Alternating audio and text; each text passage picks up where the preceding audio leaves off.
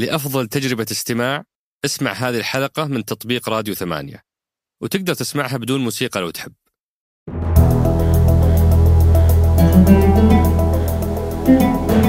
هذا سقراط من إذاعة ثمانية وأنا عمر الجريسي أستضيف قادة التحول وأحاورهم حول رحلتهم في تحقيق أهداف رؤية السعودية 2030 ضيف حلقة اليوم هو سعادة الأستاذ ياسر القهيدان مساعد وزير المالية للشؤون المالية. في حلقتنا حاولنا نركز على قصة الميزانية بدءا من الصورة الذهنية عن طريقة إعداد الميزانية وعلاقتها بالجهات الحكومية وبعد ذلك مسكنا أبواب الميزانية بند بند وحاولنا نفهم كل بند وش آه الأرقام اللي تخصه. آه ثم تحدثنا عن رحلة إعداد الميزانية من بداية السنة إلى نهايتها وطريقة إبلاغ الجهات الحكومية عنها. وفي الأخير كالعادة ختمنا حلقتنا بأسئلتكم الثمينة. مثل سؤال آه وين تكون إيرادات الحكومة اللي متعلقة بالمخالفات والرسوم؟ تدخل تحت أي بند؟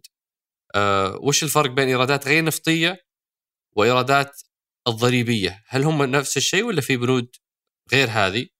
وهل كل هل إيراد كل وزارة يرجع ينصرف على نفس الوزارة ولا كلها تصب في وعاء واحد؟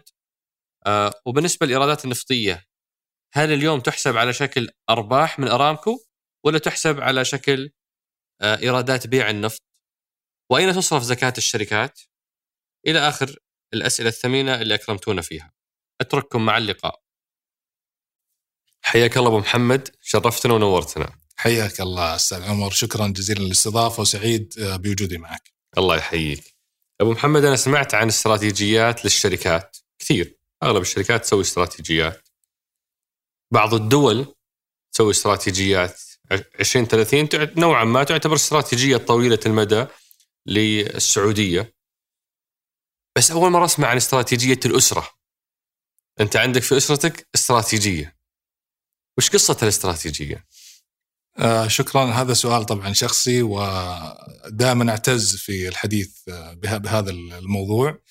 هو ببساطة أني أنا عملت في القطاع الخاص لفترة طويلة تنقلت فيها من من شركة إلى أخرى من منظمة إلى أخرى.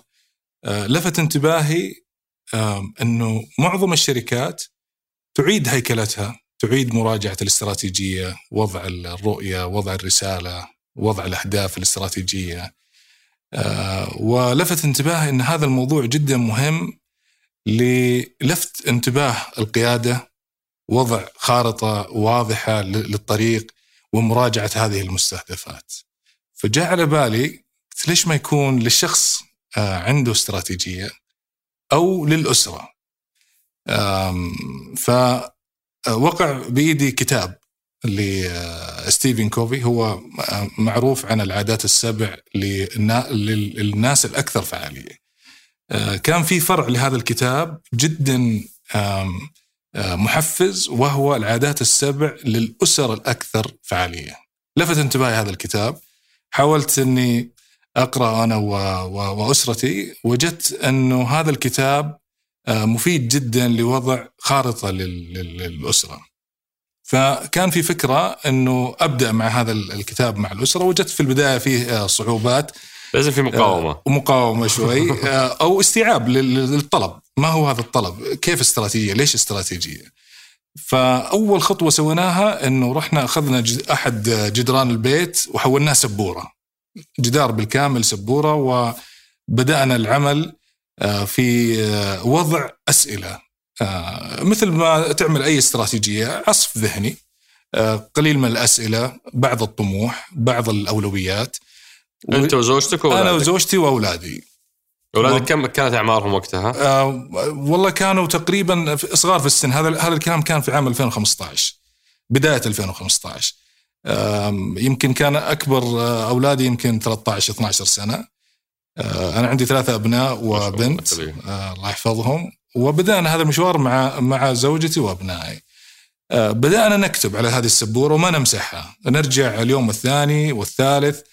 كان شوي العمل ممل قعد معنا شهر تقريبا لكن تفاجأنا أنه في المرحلة الأولى كانت أسئلتنا بسيطة جدا طموحنا بسيط جدا أفكارنا وطرحنا جدا بسيط.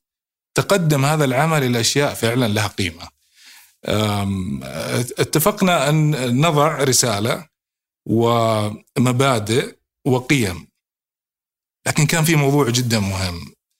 قلت أنا ليش بروح مع ستيفن كوفي وحط كل شيء من عنده؟ آه، لدينا قدوة آه، الرسول صلى الله عليه وسلم آه، وكان التوجيه في مكارم الأخلاق مهم جدا. إنما بعثت لأتمم مكارم الأخلاق. استفدنا منها من مكارم الأخلاق بدأنا نضع القيم وضعنا تقريبا آه، تسع قيم وثمان مبادئ ورسالة. وضعناها واتفقنا على النسخة النهائية منها.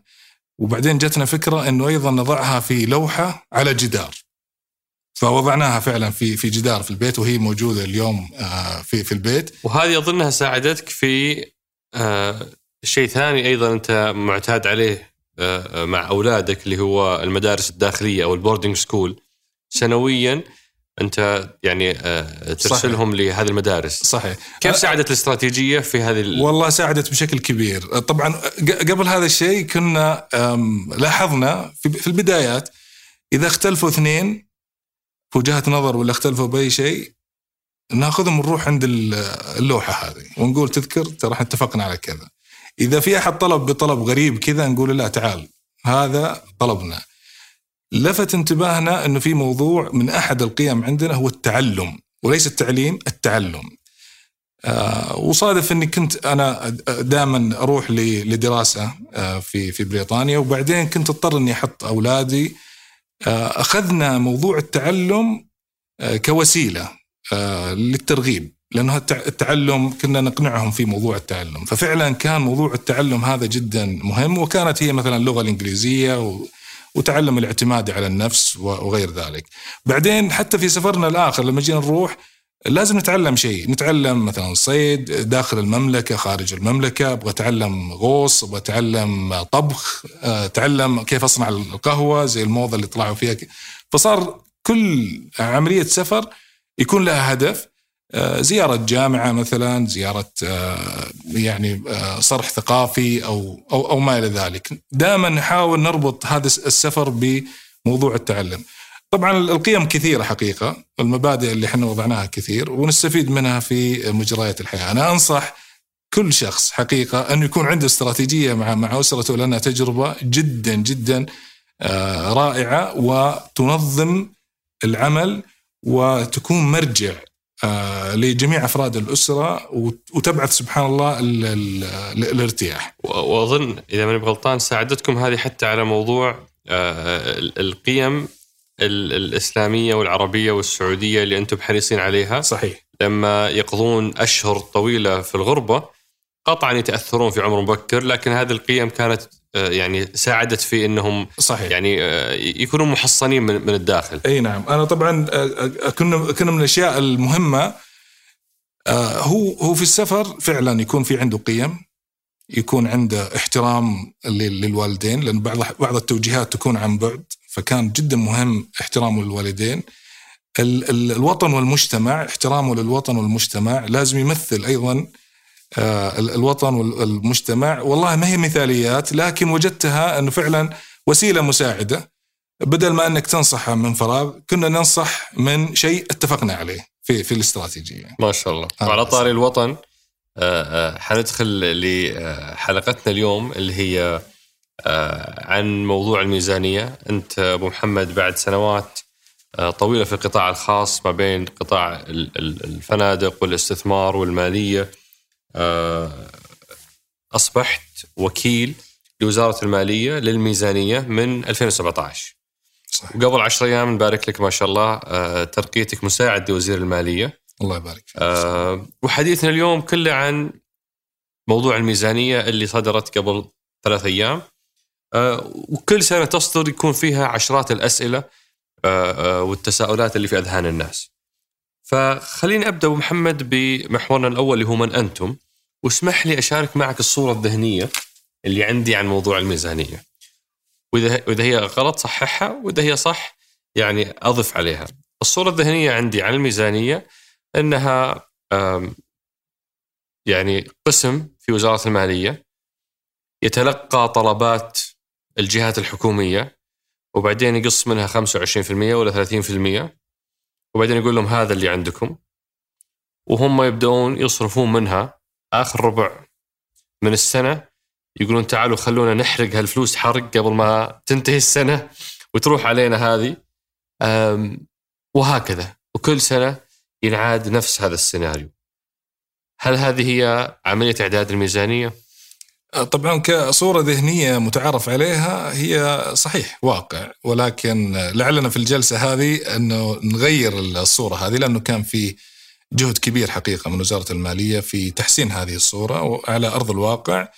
وأيضا آه، مساعدة كبيرة من الجهات الحكومية نفسها المنفذة لهذه الميزانية. فلعلنا إن شاء الله يعني نصححها في نصححها في حول الله. خلينا نبدأ تاريخيا. آه على بركة الله وش قصة إعداد الميزانية تاريخيا؟ آه طبعا أول شيء لو لو أخذنا إحنا وزارة المالية لا نتحدث كثير عن وزارة المالية هي وزارة عريقة آه وزارة مؤثرة آه في مسار المالية العامة والحكومة وبشكل آه، محدد في رؤية المملكة 2030 كان لها أثر كبير. وأنا آسف أني طمرت لوزارة المالية بحكم أن عندنا حلقة سابقة مع معالي عبد العزيز الفريح أبو نواف مع نعم. حلقة سابقة مع آه، آه، أبو صبا الصويان. صحيح.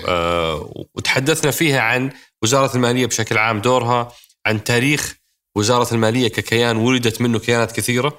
فالمهتمين أنصحهم يرجعون للحلقتين هذيك. صحيح. عشان كذا أنا طمرتها. أي نعم. وأنا لن أتحدث كثير عن وزارة المالية ولكن لو باخذها كنبذة تاريخية آه، أركز على الجوانب المالية. آه، معالي الأستاذ عبد العزيز الفريح ركز وهو هو أستاذنا في هذا الموضوع ولن آه، أكرر ما ما تم. لكن وزارة المالية هي بدأت في عام 1433 عام 1344 هجري. وبدأت بمسمى مديرية الأمور المالية آه، وكانت في في بداياتها. وبعدين آه، تركيزها كان تقريبا على آه، الأمور المالية كان المالية في في مكة المكرمة وكان في رئاسة للأموال في جدة تطور الموضوع في عام 1347 وأصبحت وكالة فكانت تسمى وكالة المالية توسعت لتشمل أمور الدولة فيما يتعلق بالواردات والمصروفات. عام 1351 أعتقد هذه محطة تحول لأنها آه، أطلق عليها وزارة المالية. وهي أول وزارة كانت؟ أعتقد ما غير متأكد لكن يبدو لي إنها من أول الوزارات لو رجعنا بالتاريخ القديم. نقطة تحول لأنها آه، سميت كوزارة وكانت معنية بالشؤون الاقتصادية والسياسات المالية والإدارية، فهذه كانت نقطة تحول وتوسع كبير. أعتقد في عام 1426 هي آه، نقطة التأسيس الرئيسية لأنه صار في هيكل تنظيمي وكان فيه آه، آه، تفاصيل أكثر وأشمل وفي ذلك الحين كانت تقريبا ميزانية الدولة حوالي 280 مليار ريال وكانت فيها نقطة تعادل إيرادات تعادل المصروفات. هذا عام كم؟ عام 1426 وهي تعتبر من المحطات المهمة لوزارة المالية لأنه صار فيها هيكل تنظيمي صار فيها مواد صار فيها تفاصيل. وكم كانت الميزانية وقتها؟ 280 آه، مليار آه، في الجانبين الإيرادات والنفقات وهي كانت نقطة التعادل. أعتقد من وجهة نظري في عام 1428 هي نقطة آه، التحول المساند لرؤية 2030 فكان لابد آه، أن تتوجه الوزارة إلى تحول آه، معني برؤية المملكة 2030 وهذه السنة كانت هي السنة التي بدأ فيها معالي آه، الأستاذ محمد الجدعان في قيادة 1400 وكم؟ و28 38 38 38 اي أوكي. آه كانت هذه المساهمة اللي هي 2017 آه تقريبا نعم. أعتقد في بدا في بدا نهايات 16 اي صح صح صح. 17 أنا أنا أنا التحقت في في الوزارة في عام 2017 آه الهيكل التنظيمي للوزارة بكل بساطة هو آه معني بالسياسات الدولية والاقتصاد الكلي والسياسات الكلية والشؤون المالية وأيضا الاستراتيجية والخدمات المؤسسية. الشؤون المالية تركز على إيرادات والحسابات والميزانية. فهذا بشكل بسيط تاريخ وزارة المالية من الجوانب المالية. لكن أنا صراحة ودي أعلق على ما هي وزارة المالية. آه، لي أنا اليوم كمستمع كمواطن كأقتصادي تركيزنا أشبه الوزارة بمن يقود ويدير برجين. البرج الأول وهو السياسات المالية. وفي بعض الدول السياسات المالية والسياسة النقدية، السياسة المالية والنقدية تكون مصاحبة لكن عندنا البنك المركزي السعودي مستقل إحنا نركز في فيما يتعلق بأمورنا في الميزانية على السياسات المالية. هذا البرج خلينا نقول برج رقم واحد. برج رقم واحد هو السياسات المالية، ما هي السياسات المالية؟ هي إدارة الموارد آه، أو الإيرادات وأوجه تخصيصها والنفقات وفاعلية التعامل مع أو كفاءة الإنفاق، التعامل مع العجز، التعامل مع كيفية تغطية العجز على المدى القصير وعلى المدى المتوسط. هذا كله في البرج الأول. هذا في البرج الأول. إيراداتنا ومصروفاتنا. من وين نجيبها؟ كيف صحيح. نصرفها. هذا له آم آم مستخدمين أو متصلين. من يتصل بهذا البرج؟ مركز الحكومة لأنها على مستوى عالي جدا. اللي هي السياسات المالية للدولة. آه، يتصل أيضا وزارة الاقتصاد تتقاطع أمور كثير معها. آه، يتصل أيضا آه، من يعمل في منظومة المالية وهم مثلا مركز تحقيق كفاءة الإنفاق عندنا مركز تنمية الإيرادات غير النفطية مركز الدين مركز التخصيص وهكذا. هذه المنظومة تتصل بهذا البرج بالإضافة إلى برامج الرؤية. فهذا البرج معني بترتيب كل ما له علاقة بالنواحي المالية والسياسات المالية على المدى المتوسط تحديدا. هو من يقود اليوم من يقود هذا البرج برنامج التوازن المالي. لو سمعنا هو أحد برامج تحقيق الرؤية. نعم. هذا برنامج جدا مهم آه لرؤيه المملكة. برج رقم اثنين هو المالية العامة. المالية العامة هي عمل أصيل في خزينة الدولة آه تركز على تفاصيل ما يتعلق بالإيرادات وتقديرات الإيرادات على المستوى المفصل. أيضا النفقات التعامل السنوي أو على المدى المتوسط فيما يتعلق بالعجز وهكذا مع مع الدين ولكن يميل إلى أكثر في النواحي التشغيلية والنواحي التطبيقية والعمل عن عن قرب. من هم المتصلين بهذا البرج اللي هو برج المالية العامة؟ وكالات الميزانية تحديدا الإيرادات والحسابات والميزانيه الجهات الحكومية لأنها عميل آه، مباشر لهذا البرج وأيضا آه، الدعم المطلوب على المستوى التشغيلي والتفصيلي من آه، منظومة وزارة المالية. فإذا فإذا أنا فهمت صح البرج الأول هو اللي اللي يخطط السياسات العامة صحيح والتوجهات العامة في كيف نجيب إيراداتنا، كيف حنصرف مصروفاتنا، كيف حنتعامل مع العجز أو الفائض. هذه كتوجهات عامة. إذا اعتمدت واتضحت راحت للبرج الثاني اللي هو يفصلها تفصيلا صحيح وبعدين يشاركها مع الجهات التنفيذية اللي إما تتلقى ميزانيات ولا بتحقق لكم إيرادات. أحسنت.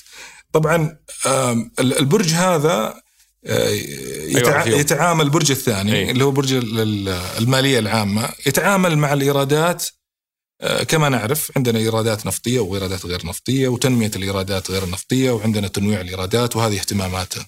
وعندنا على جانب النفقات أمر حاسم جدا لأنه إحنا الآن في رؤية ونحتاج إلى التوسع، نحتاج إلى الإنفاق، نحتاج إلى بناء آه، منظومات آه، بشكل مؤثر. آه، يركز هذا البرج اللي هو المالية العامة على الاستهلاك أو الإنفاق. ففي عندنا استهلاك حالي اللي هو مثلا عقود الصيانة وغيرها وعندنا الاستثمار الحكومي. هذا الاستثمار هو المهم لأنه يتعلق ببناء بنى تحتية آه، تنفيذ مشاريع مهمة لبرامج الرؤية والمشاريع الكبرى وهكذا.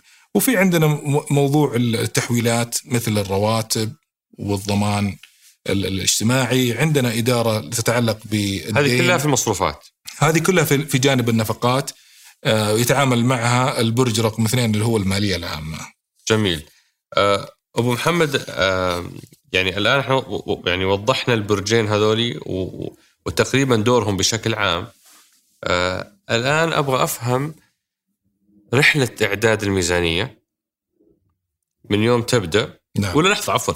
قبل ما نروح لرحلة إعداد الميزانية ما دام إنك فتحت موضوع الأبواب خليني أتعرف منك أكثر على أبواب الميزانية. نعم. آه عشان أي أحد اليوم مهتم إنه آه يقرأ بيان الميزانية. أنتم طلعتوا بيان الميزانية 57 صفحة وطلعتوا نسخة المواطن صحيح. نسخة مختصرة مبسطة مركزة على المشاريع والأرقام العامة.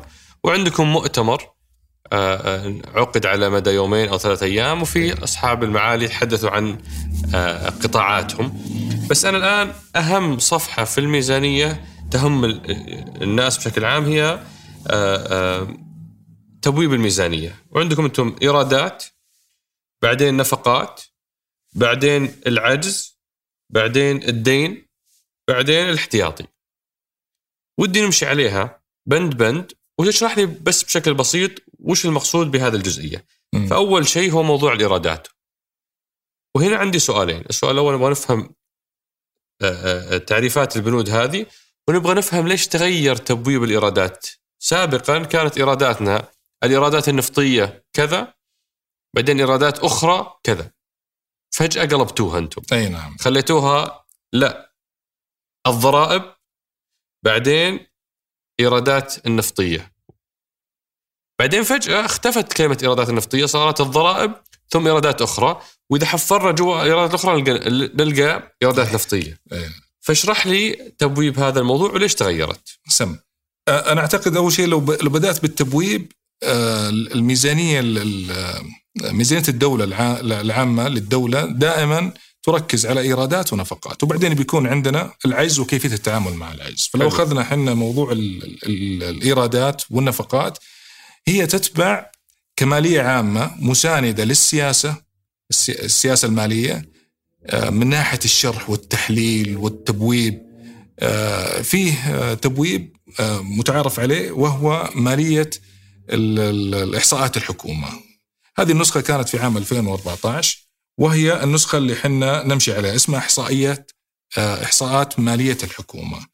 آه، هذا التبويب متعارف عليه دوليا ومثل نظام الشركات يكون في نظام الشركات فيه نظام القوائم قائمة المركز المالي وقائمة الدخل وقائمة التدفقات النقدية. في الحكومة في عندنا تبويب لإحصاءات مالية الحكومة. هذا تبويب دولي؟ نعم. قبل 2014 ما كنا نستخدمه؟ آه لا هو أعتقد النسخة 2014 آه غير متأكد متى طبقناه بس إحنا طبقناه يبدو لي يعني كتطبيق آه فعلي في نهاية 2016 أوكي. إذا لم ممكن مخ... بس هي النسخة آخر نسخة آه تسمى 2014 تمام. هذا التقسيم فعلا قسم الإيرادات إلى اللي تفضلت فيه. إحنا في عندنا إيراداتنا مقسمة إلى ضرائب وإيرادات أخرى. فلو بنمشي عليها إحنا آه، فعلا عندنا الضرائب هي الضرائب على الدخل والأرباح والمكاسب الرأسمالية. وش هذه؟ هذه طبعا في ضريبة دخل الشركات يندرج منها ضريبة الاستقطاع لغير المقيمين وهي الشركات الأجنبية اللي ممكن تجي للسعوديه وتقدم خدمات بس ما يكون عندها مراكز ولا عندها مكاتب. فيكون في فهذول عليهم ضريبة. هذول عليهم ضريبة. وطبعا مصلحة أو عفوا هيئة الهيئة العامة للزكاة والدخل هذه التفاصيل كلها موجودة اليوم في أيضا في الهيئة كتبويب. وحنا من المصدر آه، هيئة الزكاة آه، نضعه في آه، تبويبنا اليوم في الميزانية. حلو. فأول بند اللي هو الضرائب على الدخل والأرباح والمكاسب الرأسمالية هذا كله على الشركات الأجنبية. صحيح. وعلى الشركات والافراد ولا إحنا نسميهم الاستقطاع الغير المقيمين الشركات الغير مقيمة أو الاستشاريين الغير مقيمين في السعودية ما عندهم مكاتب. آه، بعدين عندنا الضرائب على السلع والخدمات. طبعا هذه يمكن أكثر أكثر يعني مؤثر فيها اللي هو ضريبة القيمة المضافة. هي تندرج في في هذا وهذه أكبر بند في وهذا أكبر بند. دخل الضرائب. صحيح. السلع وفيها والخدمات تشمل وفيها المقابل المالي لو تسمع المقابل الوافدين والمقيمين أيضا تندرج هنا. بعدها الضرائب على التجارة والمعاملات الدولية. إي هذه تقريبا في ال- ال- الرسوم الجم- الجمركية؟ الرسوم الجمركية. فالرسوم الجمركية تجي هنا. صحيح. ضرائب أخرى؟ أعتقد هذه كانت ل ويمكن تشوفها هذه لها علاقة بزكاة الشركات، يعني أكبر عنصر فيها زكاة الشركات، زكاة الشركات طبعا هي مرتبطة بنظام الضمان الاجتماعي. كل واردات زكاة الش- الشركات تذهب إلى الضمان انت جاوبت على سؤال أحد أصدقاء سقراط كان يقول وين تروح زكاة الشركات؟ فهذه ما تدخل عندكم تروح مباشرة للضمان؟ هذه هذه للضمان بشكل مباشر. هو طبعا فيها آه، تنظيم آه، صادر آه، من مجلس الوزراء.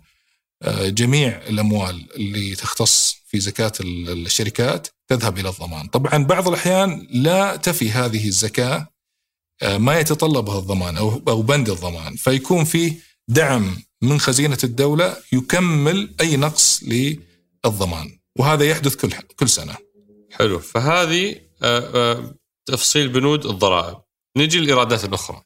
الإيرادات الأخرى طبعا هذه يمكن اللي أنت تفضلت فيها وصار فيها تغير آه، ويمكن آه، وضح معالي وزير المالية في المؤتمر الصحفي بوضوح إنه اليوم آه، وضع شركة أرامكو اختلف تماما بعد ما صار في الطرح. آه، أصبحت شركة آه، تعاملاتها في آه، السوق ال- المالية وسوق أسواق الأموال واضح جدا التعامل فلن نستطيع الإفصاح في التنبؤات فيما يتعلق بالتقديرات الإيرادات النفطية لأنه المملكة عبارة عن منتج رئيسي في سوق النفط وبالتالي أي آه، إفصاح أو تقديرات ستغير أشياء كثير. فبالتالي أخ- أخذت ال- ال- الحكومة قرار أنه لن يكون هناك آه، تفاصيل فيما يتعلق بالتقديرات لكن في عندنا في التقارير الفعلية موضحة. أول ما يصدر عندنا الربع الثاني والربع الثالث والرابع وهكذا نوضحها إحنا بالتفصيل ولكن التقديرات آه، أخذنا قرار أنه لن يكون هناك في آه، أي تنبؤات وهذا يذكرني. بسؤال أيضا ارسله أحد أصدقاء سقراط يقول أنتم اليوم آه، الإيرادات النفطية كيف قاعدين تحسبونها؟ هل تحسبونها أو كيف قاعدين تأخذونها؟ هل هي مبيعات النفط تجيكم ولا هي ضريبة على دخل أرامكو آه، ولا هي حصتكم كأرباح من ملكيتكم في أرامكو؟ كيف قاعدة تجيكم فلوس من النفط؟ طبعا هو هو في أكثر من عنصر آه، وأنا أعتقد أيضا ما نستطيع إن إحنا نفصل فيها لأنه هذه علاقة آه، يعني مباشرة بين الشركة وال- والحكومة آه، فيها الريع فيها ضرائب ولكن أيضا ما نستطيع إن نحن نفصل بس هذه مفترض انها معلنة ولا لا؟ يعني ش... يعني أرامكو شركة مدرجة يفترض نعم. بياناتها مفصح عنها. انت صحيح. أنتم يكون توزعون معلوماتكم لا، لكن لا، لكن ارامكو شركة مدرجة يفترض إنه معروف كيف كم طلع من عندها وجاء لكم أنتم. أعتقد ال- يعني بالتفاصيل ما متأكد إذا هي موجودة بهالتفصيل أوكي. لكن إحنا نظهرها على إنها بس خلينا نقول على الأقل. المعلن رسميا إنه فيه ضريبة على إجمالي الدخل. صحيح هذه تجيكم مباشرة على شكل دخل ضرائب. نعم. صح؟ وفي توزيعات أرباح أرباح مضبوط. من نتائج أرامكو زيكم زي بقية المساهمين. صحيح. وهذه أيضا تجيكم. وفي فوقها ضريبة على ال bottom line أو أو ال- ال- الصافي آه، الدخل. صحيح. هذه أيضا فيها ضريبة. صحيح.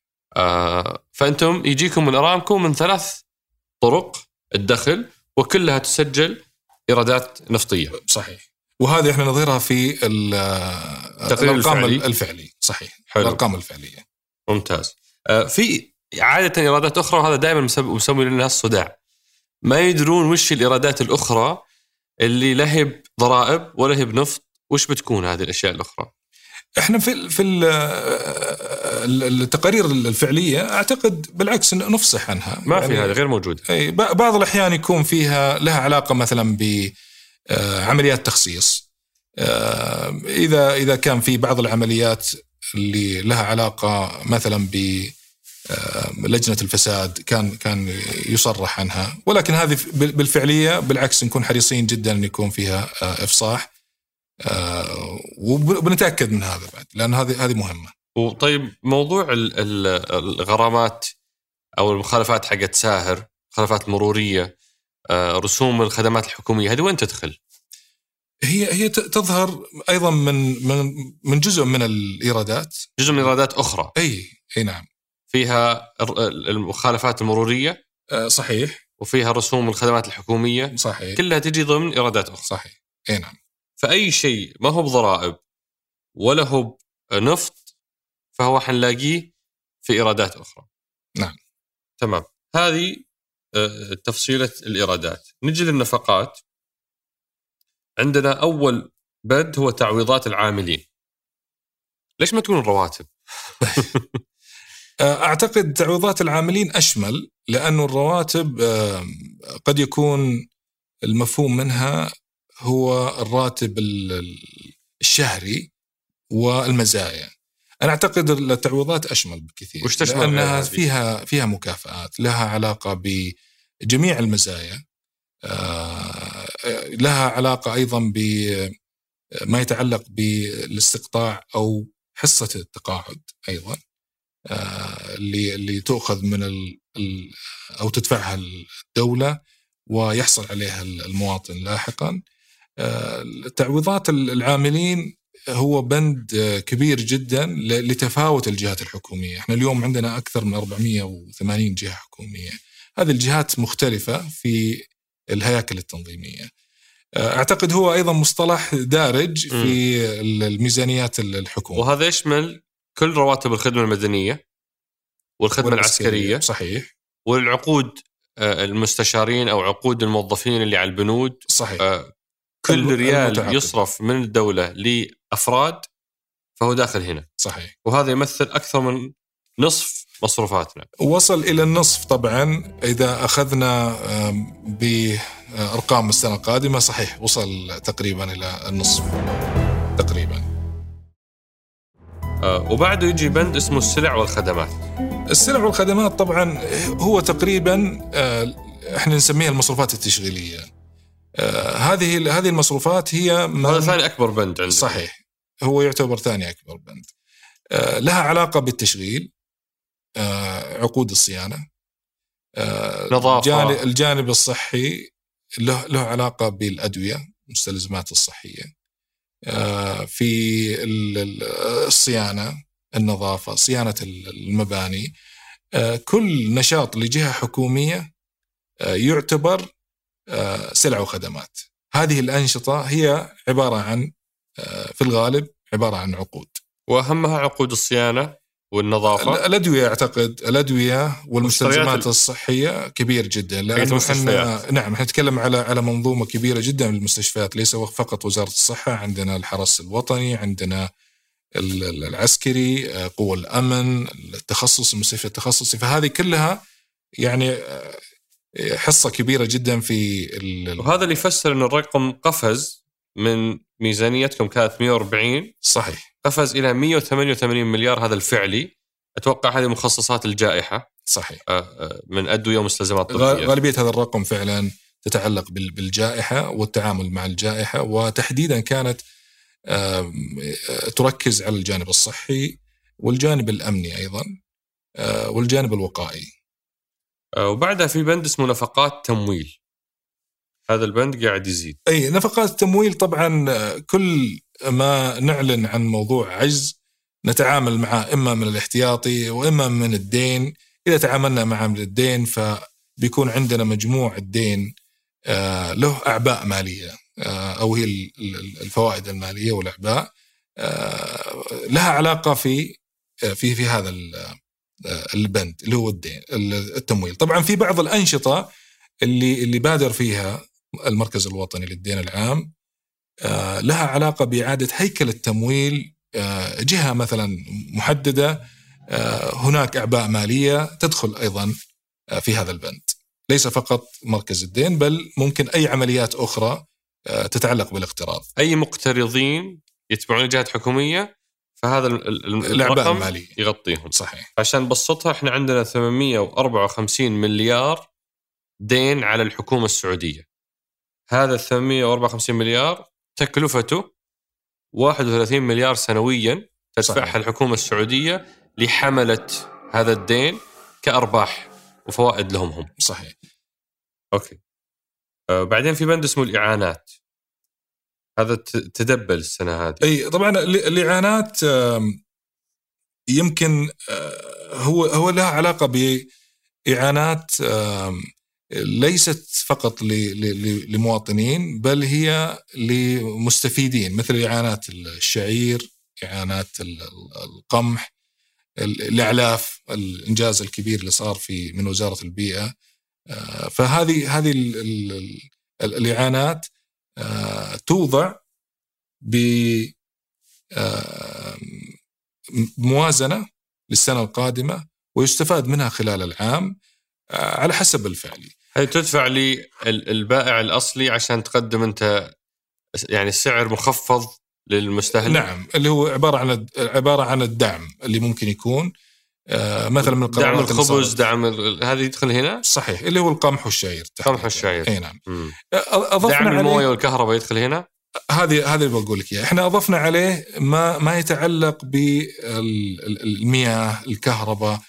آه، هناك سلسلة عمليات. أنا متشكون منكم ترى. دائما يقولون إحنا لا ما أتوقع مستقبلا في أي شكاوي. ما حيشتكون ها؟ ليش؟ لأنه في في سلسلة العمليات المالية المرتبطة مثلا بالمياه على سبيل المثال. آه، في شركة المياه آه، صاحب مصلحة تحلية المؤسسه العامه للتحلية صاحب مصلحة ارامكو صاحب مصلحة وزارة المالية صاحب مصلحة. فهذه العمليات آه، أنشأنا فيه حساب اسمه حساب الموازنة يتعامل مع مع المنظومة المالية ليعالج أي تأخير من أي مستحقات ووضعت آه، يعني ابتدانا فيها من السنة السنة هذه في 2020 ويستمر هذا الموضوع لمعالجة أي آه، فروقات تطرأ من سلسلة العمليات هذا عبارة عن مثل الضمان للعمليات وتقريب الحسابات بين المستفيدين. حلو. عشان بس يعني أبسطها كانت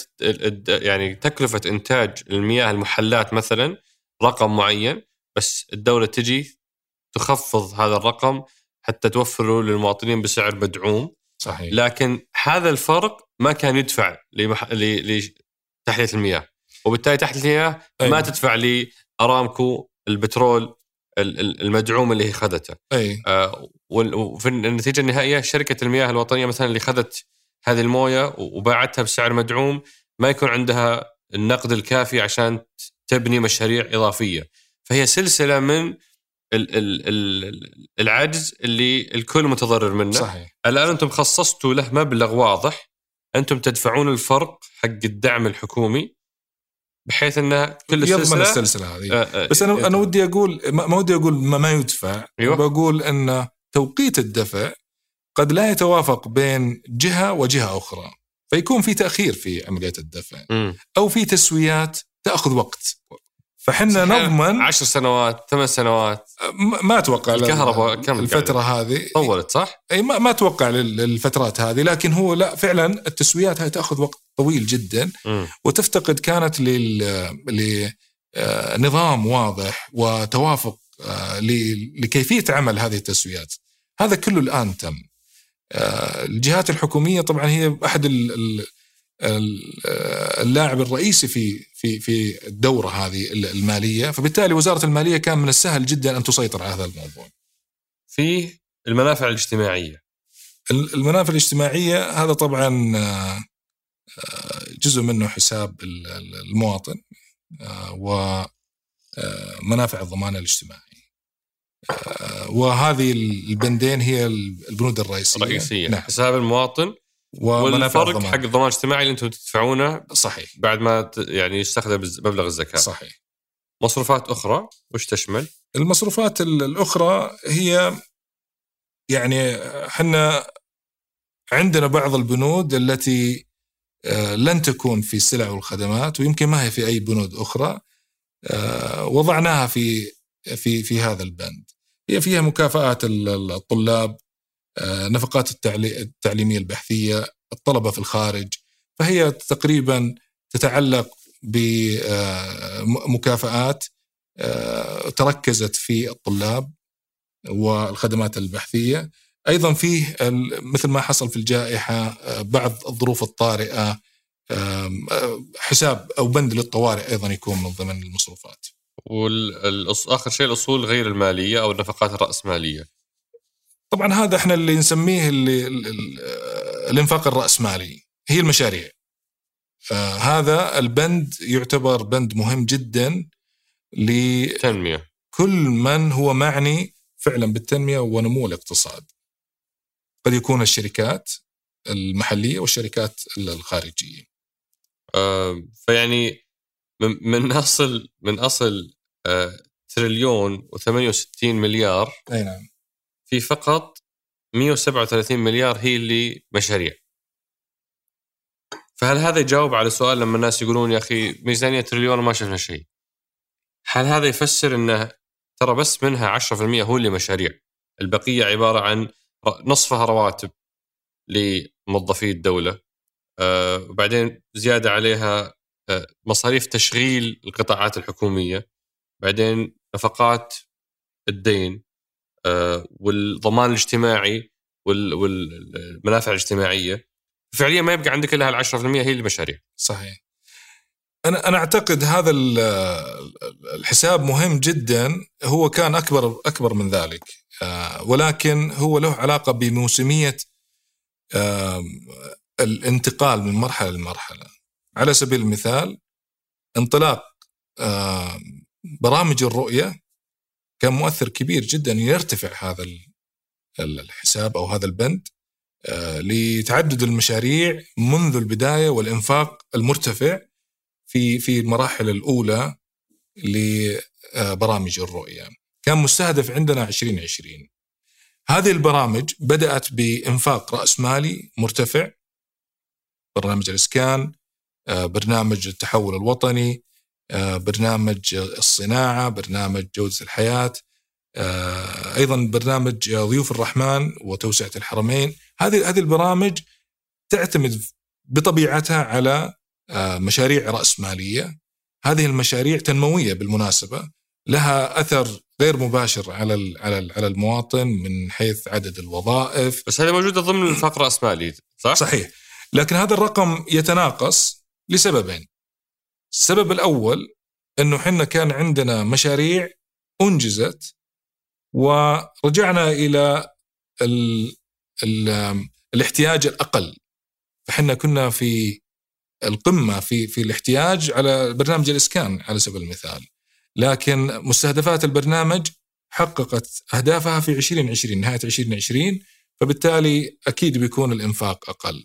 هذا السبب الأول. السبب الثاني اعتمادنا على خارج الخزينة أو التمويل خارج الخزينة لو أخذنا تحديدا على موضوع التخصيص على سبيل المثال كنا ننفق آه، أرقام آه، كبيرة في تحلية المياه على سبيل المثال آه، وكنا ننفق على بعض المشاريع اللي إحنا نعتقد إنه الشركات ممكن إنها تتولاها. آه، كان عندنا آه، رقم في في مركز التخصيص واشار إليه معالي الوزير في المؤتمر الصحفي إنه عندنا تقريبا 15 مليار تمكنا أن نحيلها إلى إلى القطاع الخاص. نستهدف حوالي 30 مليار السنة القادمة. بالتالي هذا الرقم يعطي تبرير لماذا انخفض المشاريع الرأسمالية. الصناديق أيضا تتولى العديد من المشاريع اللي اليوم إحنا نعتبر أنها في السابق كانت الخزينة تلتزم فيها ولكن اللي هي صندوق الصناعه العامه صندوق, صندوق التنمية الوطني والصناديق اللي, والصناديق اللي تحته. وهذا طبعا شيء جدا مؤثر. هل انتهى العمل إلى هذا الحد؟ لا ابدا. إحنا مستمرين أن يكون عندنا موضوع التمويل البديل هو احد الحلول وهذا الرقم يفترض أنه يتناقص آه، ليس بسبب أنه يعني يقل الإنفاق على الرأسمالي بالعكس هو مهم جدا. ولكن سنظهر أنه في إنفاق آه، مختلف من أكثر من جهة. صندوق الاستثمارات العامة على سبيل المثال صرح معالي المحافظ أنه يكون عندنا 150 مليار ستضخ في السنتين القادمتين. بمعد يعني 150 سنويا. 150 للسنتين. للسنتين. أي نعم. آه، طبعا هذا يعطيك على طول آه، مؤشر أنه هذه المبالغ الآن آه، تساعد في في في النمو. تساعد في الاتجاه الصحيح. وقد لا تظهر هنا لكنها إحنا نشير إليها بالمناسبة حتى في بيان الميزانية عن ما ينفق من خارج الخزينة. ونتيجة لكل هذه الأرقام أو الفرق ما بين الإيرادات والنفقات يطلع لنا فائض أو عجز. صار لنا خمس سنوات ما نشوف إلا عجز. أي نعم.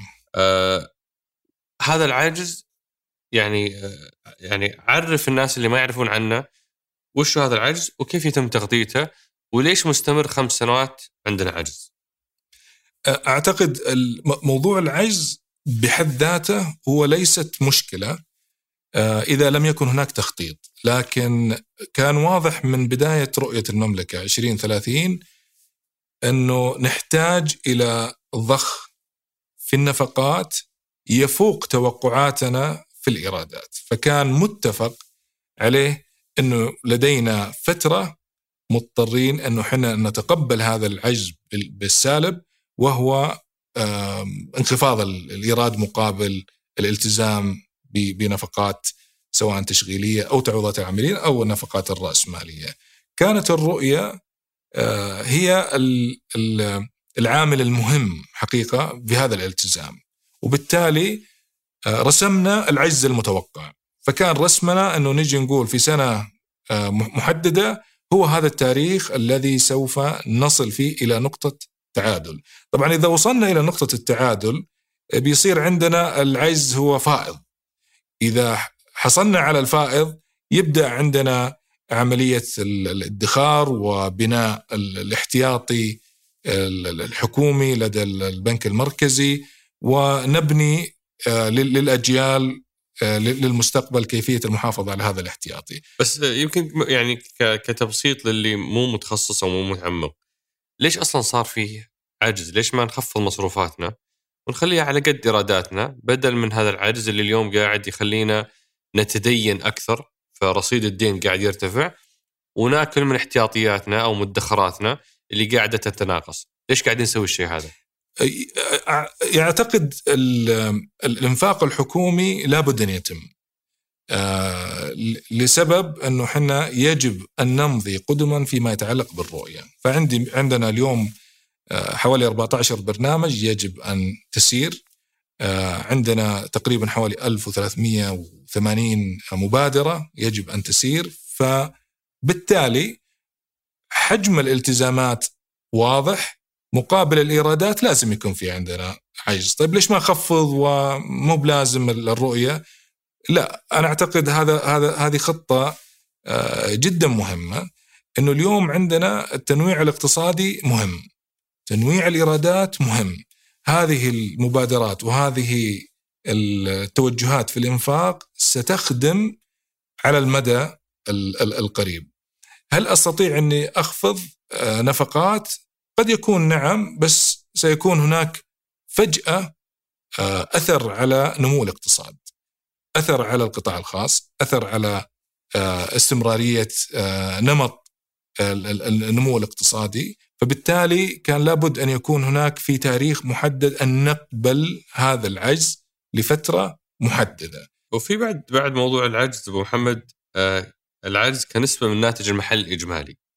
نعم. آه هذه اللي هي إجمالي العجز آه من الناتج الإجمالي إحنا وصلنا 12% السنة هذه، هل في متوسط عالمي ولا في يعني رقم إحنا نتحاشاه ولا يعني آه شيء خلينا نقول هل 12 دي تروع ولا ما تروع؟ أي نعم. لا لا أكيد إنه طبعا مو مقياس ال 12 لأنها آه، قفز العجز بشكل استثنائي. بشكل استثنائي السنة هذه. هو كان كان 6% أو كان 4.5% أي كان العام اللي فات. 6 6.4 كان المستهدف يكون 6.4 بس العام اللي قبله كان 4.5% كان 4.5% طبعا هو هذا الرينج اللي إحنا نستهدفه آه، على المدى ال- ال- المتوسط.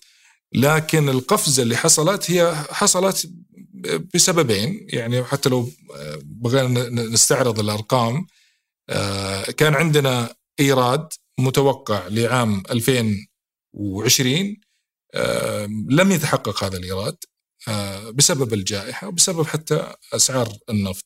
كنا متوقعين يكون عندنا 833 مليار كإيرادات. حصلنا على توقع الآن 770 هذا الفرق يعني حوالي 63 مليار عامل رقم واحد.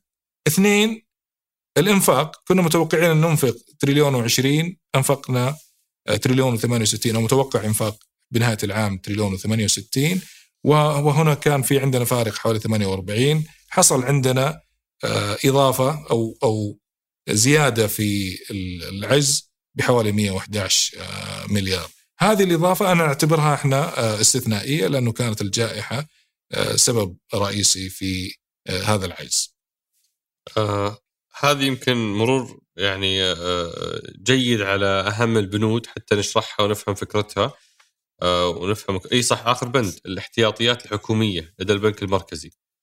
آه أنا ودي لو محمد توضح لي وش الفرق بين احتياطات وزارة المالية واحتياطات البنك البنك المركزي، هل هم شيء واحد ولا هم شيء مختلفين؟ لا لا مختلفين تماما احتياطيات البنك المركزي هذا مستقل والبنك المركزي السعودي أيضا هو مستقل وليس له علاقة نهائيا في السياسة المالية فهو عنده احتياطي عشان يحمي العملة نعم آه وهذا موضوع خاص مختلف. تماما صح. ولا يستخدم لا لتغطية عجز ولا يستخدم لا لا ثاني. نهائيا نهائيا هذا مستقل نهائيا آه. ما- له علاقة والاحتياطي حقكم أنتم وش هو هذا؟ هو الاحتياط الحكومي لدى المرك البنك المركزي السعودي هذا هذا الاحتياطي هو آه، بمسماه البسيط احتياطي.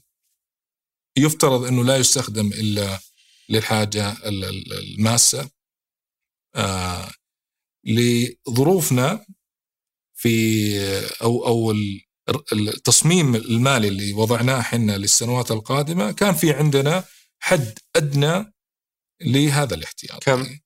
وضعناه إحنا كل سنة وض- وضعناها ب- بسنة. يعني وضعنا إحنا على سبيل المثال 346 مليار لعام 2020 آه هذا الاحتياطي بعد ما صار عندنا آم، أثر من الجائحة وأثر من أسعار ال- ال- النفط وبالتالي الإيرادات آه، كان الالتزام أن نحافظ على هذا الرقم مهما كانت ال- ال- الأسباب ومهما كانت التحديات.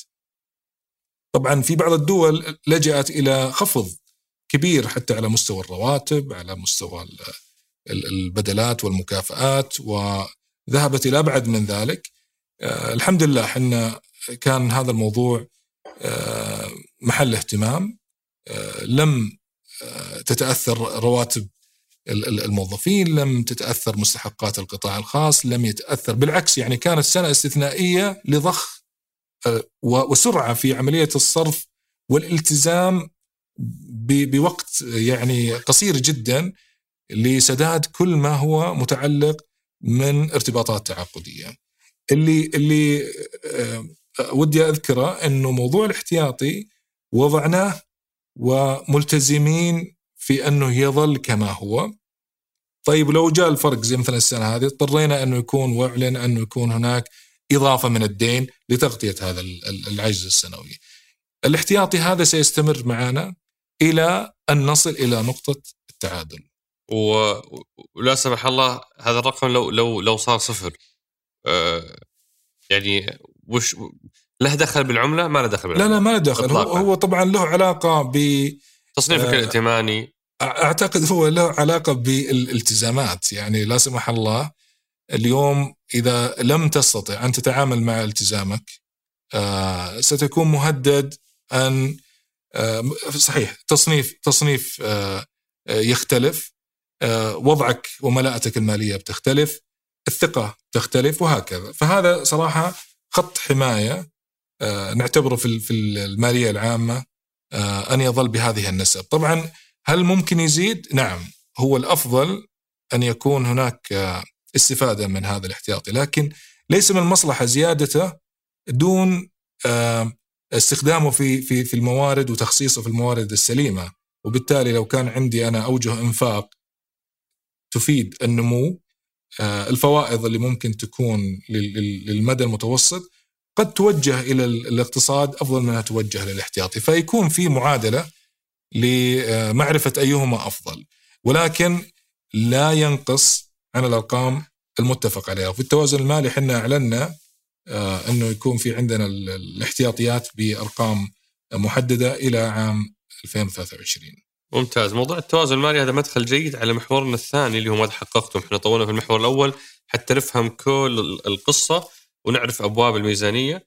بس في في ماذا حققتم نبغى نبدأ ب المدى المتوسط. انه إنه الآن الميزانية صارت تصدر على شكل مدى متوسط. هذه ابو نواف قالها في الحلقة حقته آه، اجتماعي معك. انت ذكرت انه هذه واحدة من أهم إنجازاتكم. بس أنا إلى الآن ماني مستوعب ليش تعتبرونها إنجاز؟ وش الإنجاز في إنك صرت تحط خطة خمس سنوات وكل سنة تتغير هالخطة أيه. وأرقامها تتغير؟ آه فإيش كانت المشكلة سابقا؟ وكيف موضوع التخطيط على المدى المتوسط حلها؟ كواحده من الإنجازات اللي أنتم ترون إنها يعني آه، تحققت آه، في موضوع الميزانية. وبعدها ممكن يكون هذا مدخل لبقيه الأشياء اللي أنتم ترون أنها تحققت في عملية إعداد الميزانية، إصدارها، نشرها، ممكن هذه نمر عليها كلها بشكل سريع. أي ممتاز. أنا أعتقد إحنا كان عندنا شعارنا للسنة هذه في الميزانية صحة وطن. صحة وطن. أي نعم.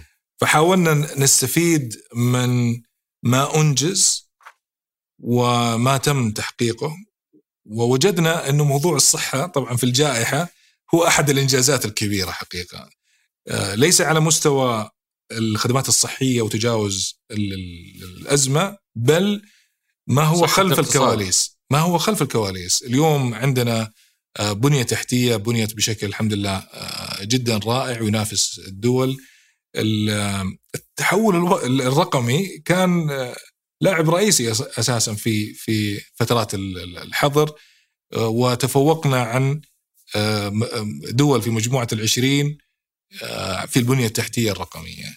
أعتقد كان عندنا أيضا إنجازات كبيرة في في برنامج الإسكان يعني وصلنا أعتقد حوالي 425 ألف عقد تمت في في الثلاث سنوات وهو مدى متوسط لبرنامج الإسكان للمرحلة الأولى ودعم آه، أسر آه، في أوقات وجيزة.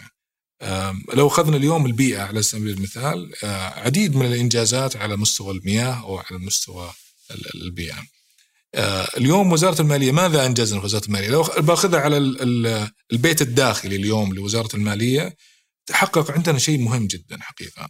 واحد هو التحول الرقمي كبير جدا هذا الأثر بالنسبة للوزارة كقائد للمالية العامة فدون هذا الحراك كان في أعتقد آه، صعوبة لمواكبه التغيرات الحاصلة. فاليوم التحول الرقمي كبير. إيش اللي أنجزناه؟ اليوم آه، أنا شخصيا ما عندي ولا ورقة نهائيا.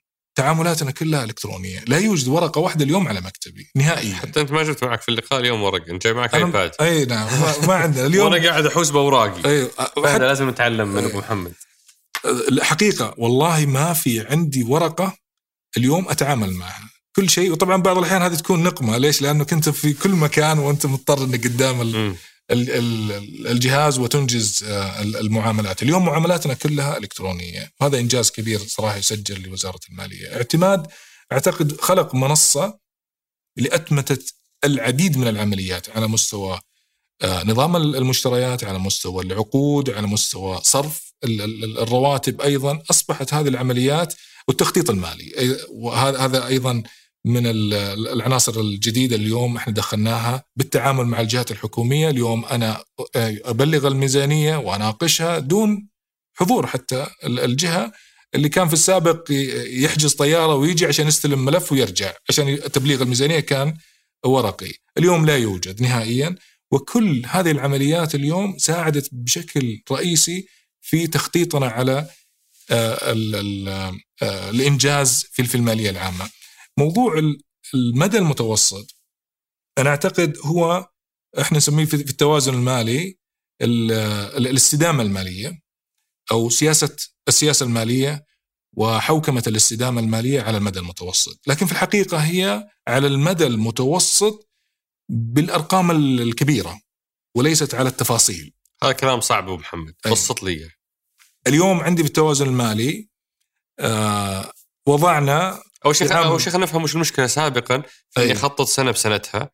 وش الحل اللي أنتم سويته؟ أي طيب شو هو في, في السابق آه وطبعا إحنا بس عشان دخلنا في مرحلة التحول اضطرينا إن نغير. في السابق قد يكون في في ذاك الوقت عمل آه مناسب.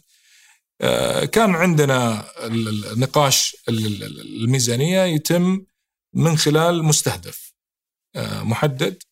وتناقش الجهات الحكومية والنقاش هذا يتم بشكل مباشر. تفصيل البنود على مستوى النفقات يناقش أيضا. آه، لكن ما كان في أدوات. يعني كنت أناقش الميزانية في تعويضات العاملين على سبيل المثال بسؤال مباشر لك ما هي خطتك؟ تعطيني خطتك أنا أحطها. اقتنعت فيها ما اقتنعت آه، بدأنا في عملية التفاوض بشكل بسيط أنا كشخص مالي اليوم لا يوجد لدي أداة مساعدة لأن أثبت انه طلبك آه، صحيح أو غير صحيح. اليوم اختلف الموضوع، صار عندي نظام صرف. كل الموظفين اليوم موجودين في النظام صرف. فإذا جيت أنت تقول أنا والله عدد الموظفين عندي خمسة ألاف وأتوقع إنه يكون عندي إنفاق ل 5000 موظف. بكل بساطة أستطيع إني أجي أقول لا أنت عندك 4000 موظف. لا يمكن أعطيك ال 5000 وتبدأ أنت تقول لا والله أنا ترى هذه خطتي أنا أبغى أضيف ألف موظف وهكذا وندخل في التفاصيل. نعم لا. ولكن صار عندي وضوح على مستوى كم الحد الأدنى لديك. وما هو الإنفاق ذو الأولوية عندك؟ صار واضح عندي. نفس الشيء على مستوى العقود. أنا أعطيت مقدمة للتحول الرقمي لأنه فعلا هو مساعد. اليوم العقود نفس الشيء. تجي تقول والله عندي في السابق كنا نقول آه أنا والله عندي 30 مدرسة وأنجزنا منها كذا وأحتاج إلى أني أنا أضيف عندي بعض المستخلصات ومتبقي لي كذا وأبغى أصرف لهذه المدارس. اليوم أدخل على البيانات وأذكر أنه آه، في عديد من المواقف آه، حتى الجهة ما تكون عارفة يعني. يعني أنت تفيد هذه الجهة أنه هذه المعلومة موجودة وهو سعيد أنها أصبحت عنده. يعني ليس الهدف فقط أنه هو آه، يريد أن آه، يزيد الميزانية. بعضها تكون بدون قصد. فصار النقاش أمامنا عقود والمشاريع. وأستطيع أن أعرف إنه هذا المشروع اللي هو 10 مليون أنت أنفقت منه تسعة ما تحتاج إلى مليون في هذا. المشروع ولا تحتاج إلى أنك تضيف عليه. وتبدأ عمليات النقاش. أنا أعتقد التحول الرقمي هذا ساعدنا في إنه إحنا نقدر نعطي الجهة الحكومية دخول لهذه المنصات. أصبحت الجهات اليوم في لوحات قيادية تستفيد منها. أنا سمعت صراحة من كثير من الجهات يمكن قبل أمس كان عندنا لقاء مع أحد الجهات وكنت سعيد جدا هو قاعد يشرح لي كيف يستخدم هذه البيانات في إنه يتحدى من يناقشه في الميزانية فكنت سعيد جدا إنه أصبح اليوم التمكين عند الجهة ومستوى المعرفة مرتفع جدا. بعض الأحيان آه، تغيب عننا آه، في الطرفين سواء في المالية أو في الجهة، يغيب عننا معرفة الإجراء السليم عشان أجي أعطيك الميزانية. آه، لذلك الجهات الداعمة موجودة، فاليوم معنا مركز تحقيق كفاءة الإنفاق معنا آه، برنامج مشروعات. يساعدنا شوي آه، مركز التخصيص في آه، اتخاذ بعض القرارات الحاسمة هذا كله في خلال النقاش. يصير في في خلال نقاش الميزانية التي طيب كم تبعدون أنتم عشان عشان تعدون الميزانية؟ يعني هذا الموضوع يتطلب اجتماعات هذه كلها تسوونها في ديسمبر؟ لا طبعا يمكن في السابق هذه واحدة من الأشياء المهمة في السابق كان عندنا عمل الميزانية لا يستغرق وقت طويل أنا أعتبر أحد الأسباب في في هذا الموضوع إنه عندك رقم والمتلقي هو الجهة الحكومية يحتاج إلى يتوافق معك إذا توافقته فصار كانت الفترة بسيطة جدا. اليوم الموضوع مختلف لو تبغاني أتطرق إلى عمليه اعداد الميزانية اي كيف كيف تطورت إيه هذه؟ اي لا تغيرت بشكل كبير صراحة. إحنا العمل يبدأ من بداية السنة. ليس بهدف أنه نبغاه عمل طويل ابدا. لكن على الخط الزمني بحاول أقسمها إلى ثلاث أقسام. القسم الأول هو في الربع الأول من كل سنة ميلادية آه، نهدف فيها إلى بناء ميزانية للسنة التالية. أجي في الربع الأول وعندنا معالم رئيسية. آه، تبدأ بوضع خطة.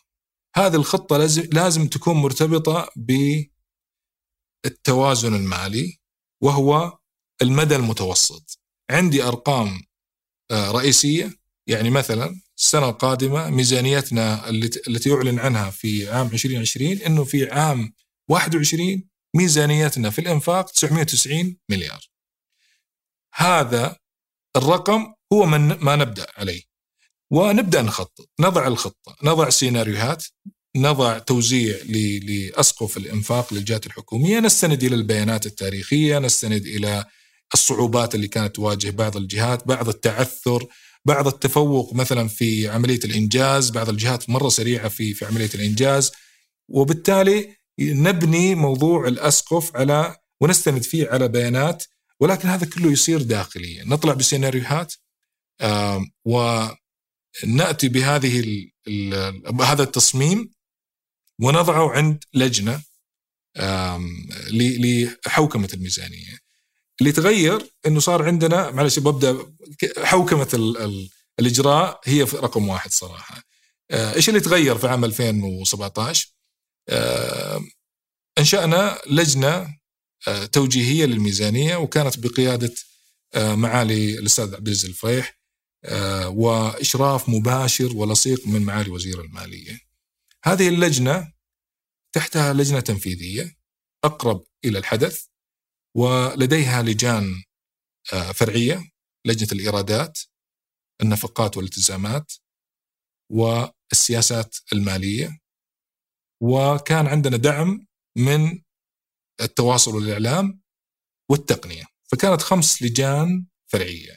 هذه الحوكمة معتمدة حتى من اللجنة المالية بالديوان الملكي. وأحتجنا إلى دعم. من هم الداعمين؟ هي الجهات الدعم مثل كفاءة الإنفاق ومركز آه، تنمية الإيرادات غير النفطية، هيئة الصناعات العسكرية، شركة نوبكو الشراء الموحد للأدوية والمستلزمات الطبية، كنا نستعين بوزارة الطاقة فيما يتعلق بالإيرادات، وزارة الاقتصاد فيما يتعلق بالسياسات الاقتصاد أو الاستراتيجية الاقتصادية. هذه هذه المنظومة كحوكمة آه، وضعت لتراجع مراحل إعداد الميزانية عن قرب. أعتقد إحنا وصلنا لأكثر من 100 اجتماع لمراجعة الإعداد الميزانية. لدينا من الربع الأول. ابتداء من الربع الأول. عملنا التصميم عملنا الخطة ارتبطنا بما هو موجود بالتوازن المالي روجعت عملنا السيناريوهات بشكل مباشر. نرفع إلى الديوان ويمثله اللجنة المالية.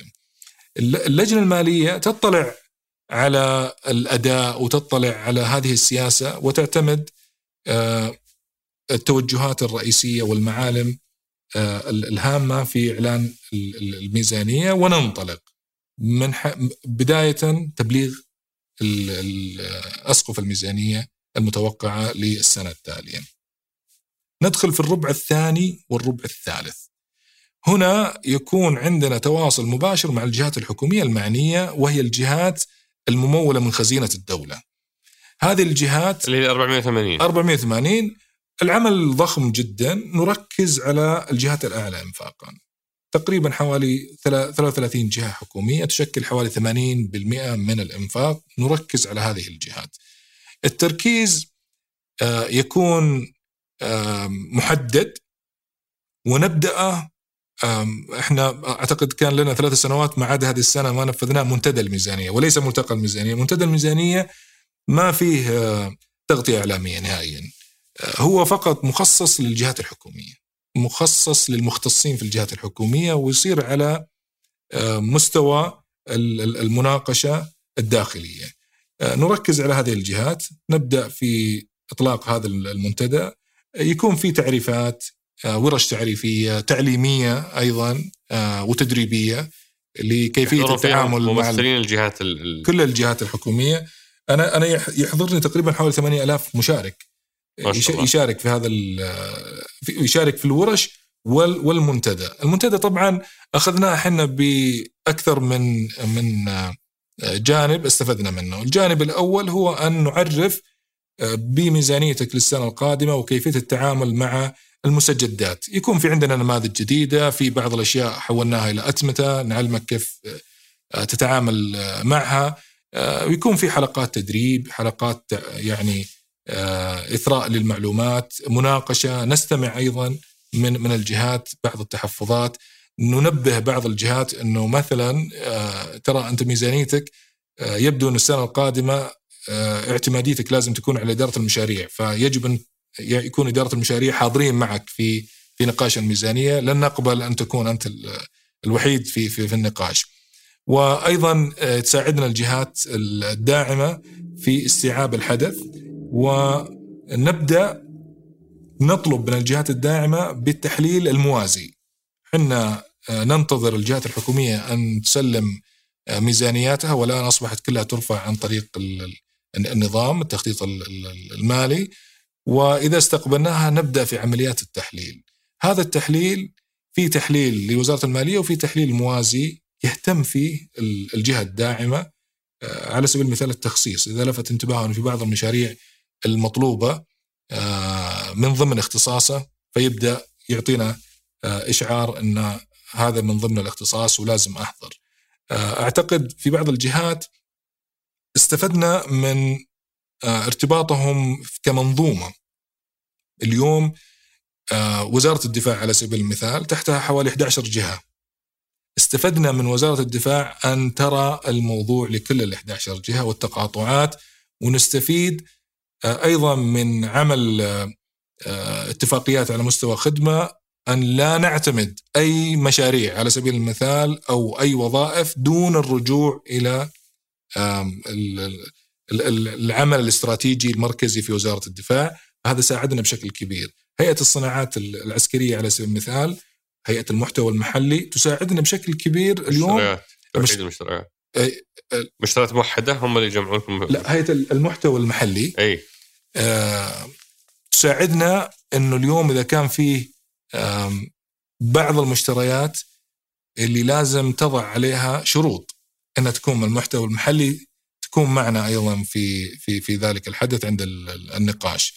آه، شركه نوبكو وهي شركة مملوكة من صندوق الاستثمارات العامة ولكن آه، آه، هي من يقود الشراء الموحد للأدوية والمستلزمات الصحية والطبية وحققت نجاحات كبير صراحة هذه الشركة ووجودها معنا يبدأ بالسيطرة حتى من الطرح إلى المنافسات من هذه الجهات فيطلعون حتى على الطرح ويتأكدون إنه حجم الحاجة من من الأدوية للسنة القادمة لأنه في عمليات تطوير. يعني إحنا اليوم نطور مثلا في وزارة الصحة فأبغى أتأكد اليوم لما يكون في عندنا زي مبادرة وصفتي على سبيل المثال لابد يكون عندي انخفاض. في آه، الطلب على الأدوية. لأنه صار عندي سيطرة أفضل صار عندي تخزين أقل. فشركة مثل شركة نوبكو تعطيني هذا التوجه أنه فعلا آه، صار عندنا هدف اللي التوسع في في مبادرة وصفتي وبالتالي لازم يكون في عندك خفض للادويه فيصير مساعد لنا في وزارة المالية لتوضيح الرؤية لمتخذ القرار في في تلك الجهة. وهكذا. إحنا يمكن أبغى أخذك على الربع الثالث. ما زلنا في في الإطار الزمني في الربع الثالث. بعد ما نخلص النقاش في حدث مرة مهم للميزانية وهو البيان التمهيدي.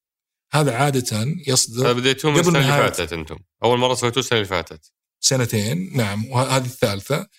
آه، البيان التمهيدي هو يصدر المفروض قبل نهاية شهر سبتمبر. هذا الحدث جدا مهم.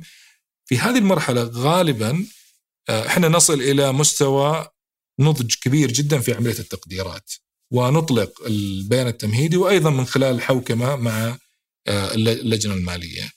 آه، بعد ذلك نستمر في عمليات النقاش، في عمليات التنقيح، في عمليات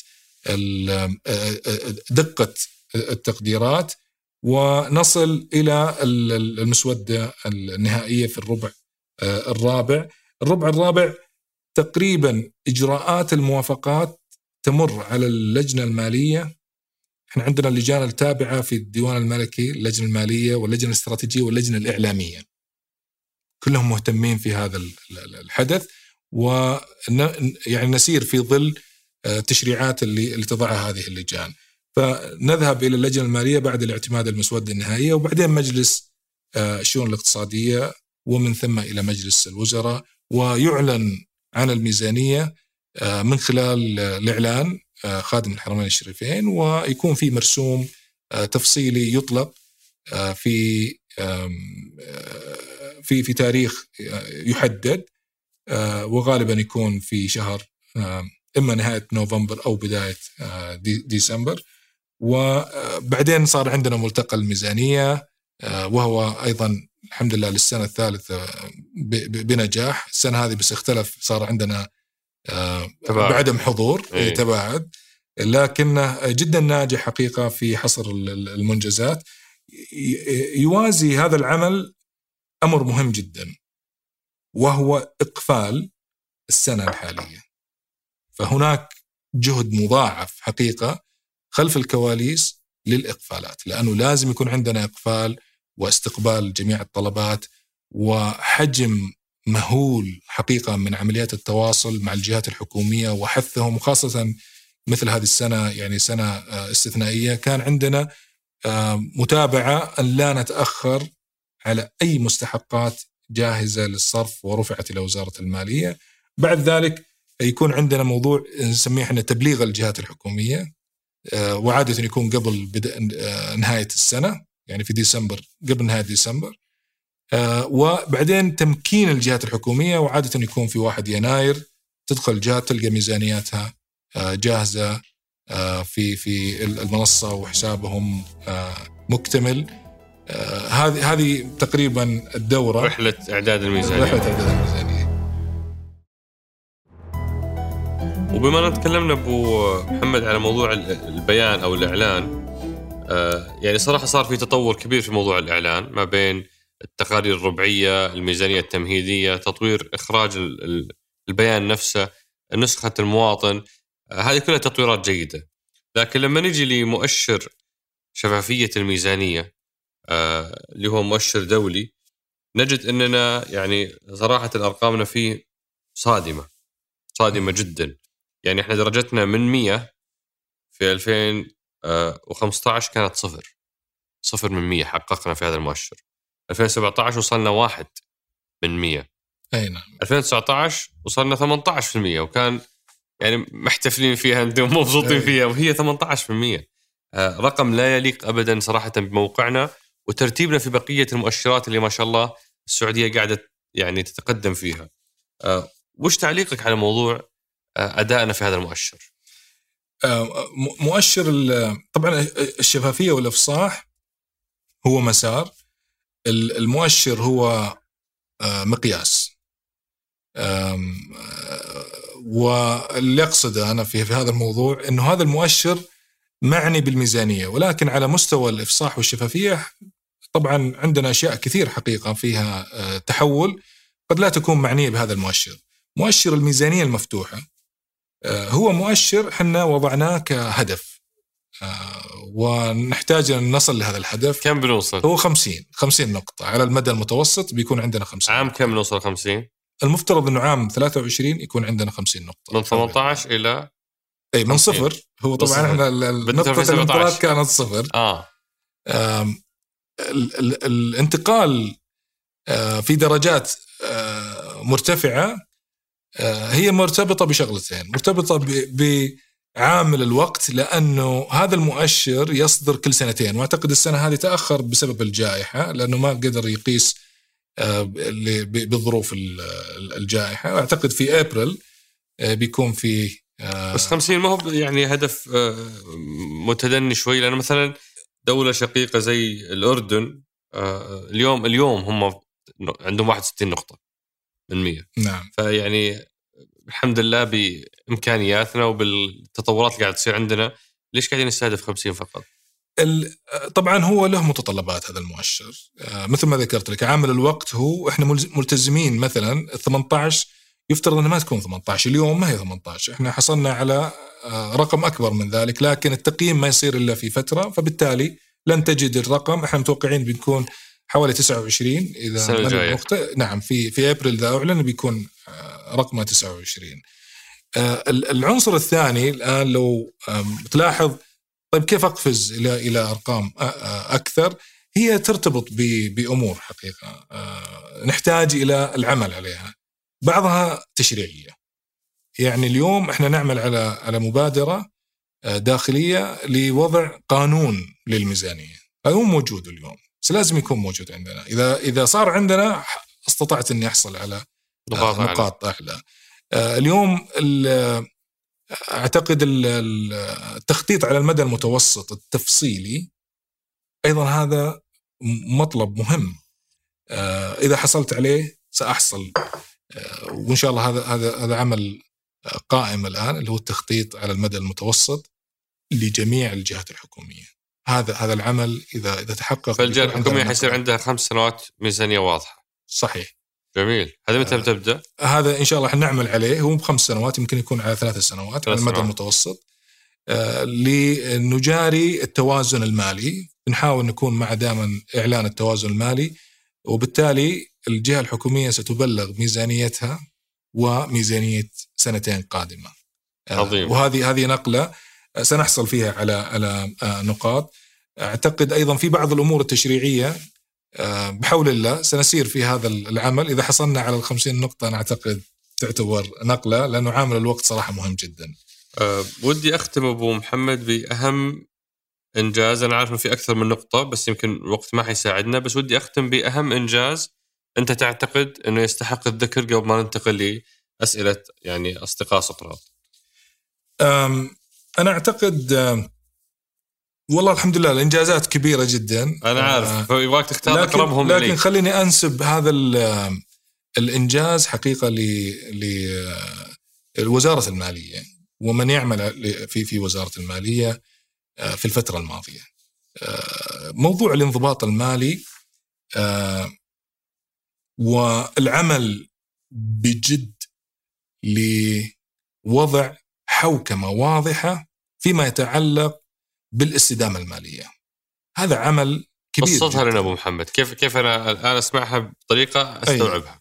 هذا هذا الانضباط المالي أعتقد الكل عارف إنه إحنا من أول إذا كان آه، سعر البترول ارتفع آه، زاد الصرف زاد الصرف وزادت المشاريع وإذا انخفض بدأنا في عمليات التقشف والمراجعة ويمكن إلغاء أو خفض آه، بعض بعض النفقات هذا طبعا مؤلم جدا على المدى المتوسط والمدى البعيد وأيضا حتى على الالتزام والمصداقيه الاستدامة المالية آه، ركزت على جوانب الإيرادات أن نعمل عن قرب كيف ننمي هذه الإيرادات وننوعها وننوع الاقتصاد وندعم آه، كل من سيساهم من جهات حكومية. وفي جانب الإنفاق الانضباط.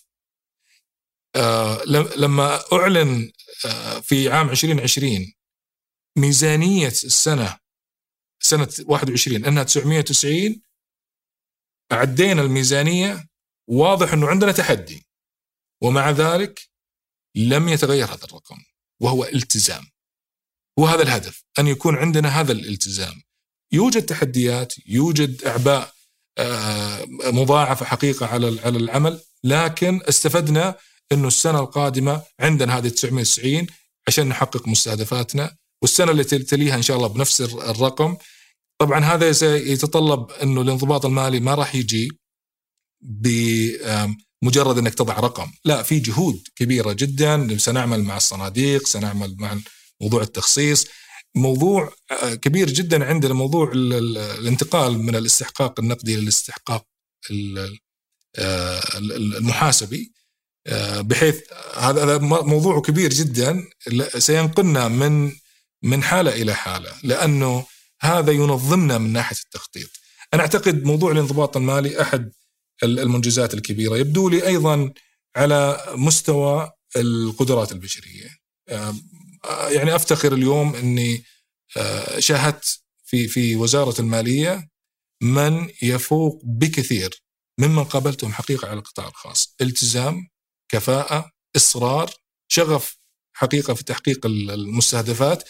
اليوم عندنا آه، عدد كبير من آه، الجيل الشاب آه، سواء من الرجال أو السيدات. دخولنا في تحديات كبيرة بجيل شاب أعتبره من الانجازات الكبيرة اليوم وزارة المالية مقبله الوزارة على تحديات كبيرة. وأنا أتوقع إن شاء الله إن سنحقق شيء كثير بحول الله. أه عساكم على القوة يا رب. آمين. أنا بنتقل لأسئلة الأصدقاء، جت مجموعة ما شاء الله طيبة من الأسئلة. آه، بعضها غطيناه بعضها يمكن يعني آه، يحتاج منك إجابة سريعة عليه آه، هذا سؤال عن الايرادات بشكل واضح هل في مجال للوصول للبيان التفصيلي للإيرادات أني أعرف كم عد كم حجم المخالفات كم حجم الرسوم كم حجم الأرقام ضريبة التبغ مثلا هل في بيان تفصيلي لها ما ما أعتقد اليوم على مستوى الدول إنه يكون في هذا التفصيل لكن يعني نطمن الجميع إنه هذا التفصيل آه، معني بجهات مختصة.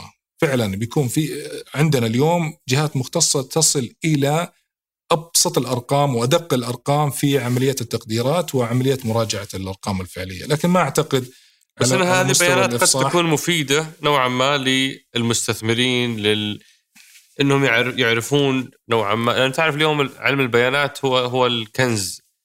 يعني هو هو نفط المستقبل. فلما يصير فيه يعني بيانات أكثر آه، قد تجد رائد أعمال بس يستهدف لك اللي يستهلكون آه، آه، التبغ بطريقة معينة ولا يعني أقصد البيانات دائما مفيدة. أي نعم. فما هي متاحة ولا في توجه لأنها تكون بشكل مفصل متاحة صح؟ أي. والله شوف أنا أنا ودي أتأكد من هالموضوع لكن أعتقد على بعض الجهات ترى عندها إفصاح. يعني بعض الجهات المعنية عنده إفصاح لأرقام دقيقة وهذه الجهات بعضها مستقل. يعني لو أخذنا اليوم على مستوى هيئة الزكاة على سبيل المثال في تفصيل موجود. لكن اليوم في إعلان الميزانية أن نذهب إلى هذا التفصيل قد لا يكون مناسب. هنا سؤال يقول الإيرادات الضريبي الضريبية منفصلة عن الايرادات غير النفطيه صح؟ في إيرادات ضريبية بعدين في إيرادات أخرى جزء نفطي وجزء غير نفطي. نعم. آه وإحنا وضحنا بأنه الإيرادات الأخرى اللي هي تشمل كل دخل الحكومة له بنفط وله ضرائب الرسوم الحكوميه قد, قد يكون هناك ضرائب غير مصنفة. قد يكون في ضرائب غير مصنفة. ممكن تكون في الضرائب في الإيرادات الأخرى. الشركات الحكومية الاستثمارية كلها هذه دخلها يصب في الإيرادات الأخرى. صح؟ إذا في مثلا شركات حكومية مملوكة الدولة دخلها أو أرباحها آه، تجي آه، في هذا في هذا الموضوع. صحيح. لأنها ليست ما لم تكن تبع صندوق الصلاة العامة صحيح. لأنها ليست ضرائب. صحيح. هنا سؤال هل إيراد الوزارة ينفق على الوزارة نفسها ولا كلها تدخل في وعاء واحد وبعدين تتقسم؟ يعني إيرادات رسوم البلدية هل هي تصرف على البلدية ولا يفترض أنها كلها تصب في وعاء المالية عندكم؟ بعدين أنتم توزعون. وصدر آه، أمر ملكي بتوريد جميع الإيرادات الدولة إلى خزينة الدولة، لا يوجد أي جهة حكومية اليوم لا تورد إيراداتها إلى خزينة الدولة. ومن خلال هذا التوريد تبرر الجهة إذا احتاجت أن تنفق مقابل هذا آه، الإيراد. بعض الجهات مثلا في البلديات أو في التعليم آه، عندها إنفاق نحفزه إحنا بحيث إنه يكون في عنده إيراد بس يستثمر في الأبحاث على سبيل المثال. آه، ولكن لازم يورد إلى. خزينة الدولة. بعدين يصرف. وبعدين يخصص. مقابلة. طبعا لا يخصص بالكامل هو يخصص بالشيء ال- ال- المطلوب. المناسب وال- واللي نقتنع فيه حتى في نقاش الميزانية هذا يصير في نقاش الميزانية في سؤال هنا هل تكلفة حرب دعم الشرعية في اليمن من ضمن بنود الميزانية؟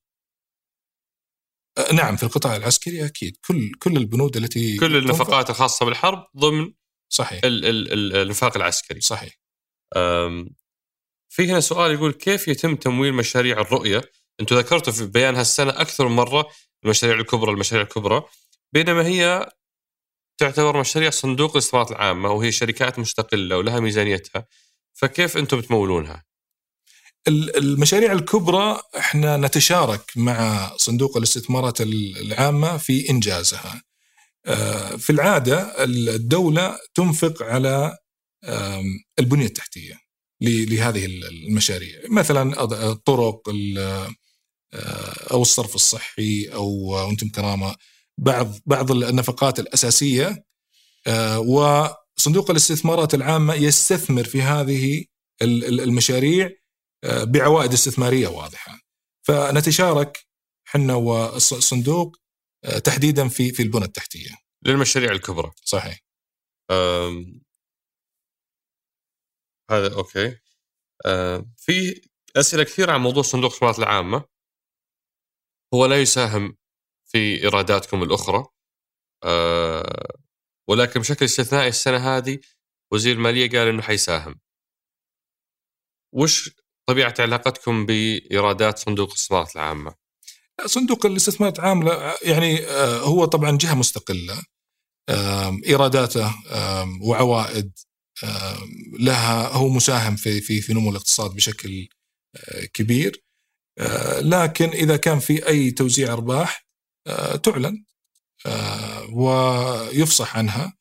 آه، لكن تركيز الصندوق آه، في في هذه الاستثمارات على على ال- المدى المتوسط أن أن يكون مركز على استثماراته بشكل كبير. انه يعيد استخدام. ولا نعتمد بشكل رئيسي على ال- ال- العوائد لأن الصندوق يجب أن يستمر. آه، في في هذا الاستثمار وإذا كان في أي آه، مبالغ تحول يفصح عنها. زي السنة هذه ذكر ال- ال- معالي الجدعان إنه في من 15 إلى 25 مليار بشكل استثنائي ستوزع على شكل أرباح. وتأكيدا لهذا الموضوع إن شاء الله في التقرير النهائي لهذه السنة سيفصح عن هذا سيظهر هذا. الرقم. آه، حال تمت التحويلات سنعلن عنها بحول الله. آه، هنا سؤال هل قيمة طرح ارامكو متحصلات الاكتتاب جت لكم أنتم ولا راحت للصندوق؟ المتحصلات كان لها ترتيب معين و آه، تم الإفصاح عنه في سنة لاحقة ويمكن ما له علاقة في السنة ال- ال- القادمة. آه، كيف؟ يعني كان في ترتيب للأرباح وتحويلات كانت ل كانت واضحة إنها كانت لصندوق الاستثمارات العامة فما نعم. فما جاكم شيء. صحيح صحيح آه، هنا سؤال جيد. متى نلجأ إلى الاحتياطي ومتى نلجأ للاقتراض؟ ليش مرة هنا مرة هنا مرة كلاهما؟ وش الفلسفة وراها؟ ابدا. إحنا مثل ما ذكرنا قبل شوي كنت أقول إنه الاحتياطي وضع إلى مستهدفات محددة. لن نتجاوز أو لن آه، آه، نأخذ من الاحتياطي بأقل ما تم الاستهداف. كل ما ظهر لنا عجز مثل ما حصل في عام 2020 يزيد عن المستهدف سنضطر انه نرفع من الدين. فالوسيله التي أمامنا الآن هي الدين. وفي في مستويات آه، ال- المتوافق عليها. فاليوم ال- الدين هو الوسيلة التي ستكون معنا لتغطية العجز آه، ومع محافظة على الاحتياطي إلى عام 23 بحول الله. اللي هو سيكون نقطة التعادل. نقطة التعادل نعم. المستهدفه بإذن الله. آه هذا واحد شوية شرحان عليكم. يقول عملية إعداد وإدارة الميزانية العامة للدولة معقدة وتتطلب خبرات كبيرة. لماذا تحاولون الاستغناء عن الكفاءات الموجودة في الوكاله؟ آه ولماذا لا تمكنون الدماء الشابة من خلال نقل المعرفة من الكفاءات القديمة؟ آه، فالملاحظة إنه لي- ليش ليش ما نجيب القدام يعني ولا هو يقول إنه استفيدوا من هال- الخبرات الموجودة وخلوهم هم اللي ينقلون الخبرة للشباب. اللي فهمت من سؤاله إنه كان الخبرات القديمة تم تهميشها أو أو عدم الاستعانة فيها. لا لا بالعكس. يعني هو ال- ال- اليوم لو أخذنا من يعد ال- ال- الميزانية هو صراحة بين دماء شابة وبين آه، عناصر معنى آه، قديمة. بالعكس أنا لي زملاء ما شاء الله آه، مخضرمين اليوم في وكالة الميزانية ومن يعمل على هذا المشروع. الدماء الشابة هم غالبيتهم آه، أيضا من أبناء ال- ال- الوزارة. يعني اليوم أحد ال- الإنجاز ال- الكبير صراحة اللي حصل في إعداد الميزانية إنه كان في عندنا موظفه موظفة مؤهل آه، خبرته بسيطة مرتبته يمكن ليست مرتفعة لكن اليوم يقود آه، قطاع. بالعكس هذا جدا رائع. ويمكن يقود شخص يعني أقدم منه في الخبرة. لكن هذا ابدا ليس يعني عائق. وأعتقد إنه اليوم إحنا عندنا بعض ال- الزملاء ما شاء الله اللي اللي لهم فترة طويلة في في الوزارة يكون سعيد جدا بأن يقدم هذه الخبرة وهم موجودين اليوم معنا ويكون سعيد أيضا أن من يقود شاب أو شابة. جميل. آه، في هنا خلاف على المصطلح. ال- الأرقام اللي تخص سنة قادمة المفترض تسمى موازنة واللي تخص سنة سابقة تسمى ميزانية. هل هذا صحيح على الإطلاق؟ والله هذا هذا الناس اختلفوا فيه بشكل كبير إيه. وحيروا الناس. لكن أنا بالتفسير ال- البسيط ومن وجهة نظري حقيقة ال- الموازنة هي تقدير. هي الشيء المقدر. أنك تضع موازنة لشركة مثلا كذا للسنة القادمة. فهذا تقدير. مرسوم الميزانية إذا رأيت آه، يعتمد الميزانية ولا يقدرها. يقدر الإيراد ويعتمد الميزانية. فبالتالي إذا أنا أعطيتك الميزانية فهي معتمدة ليست قابلة للمراجعة آه، فبالتالي لا ينطبق عليها كلمة موازنه يطلق عليها ميزانية لأنه الميزانية هي الفعلية. يعني مم. الموازنة تقدير الميزانية فعلي ولكن هذه جت بين الاثنين. لأنها ليست تقدير هي معتمدة معتمد. المرسوم يقول اعتمدنا 990 مليار فبالتالي آه، هي الأقرب لل- لل- للميزانية وليس الموازنة. هذا ف- تفسير شخصي صراحة ما ما, ما أدري يعني لأنه يمكن المصطلح هذا ما راح تلقى تفسير له. صحيح. آه، يستمر الحديث عن تخفيض نسبة الرواتب من إجمالي المي- الميزانية. آه، ليش هذا هدف؟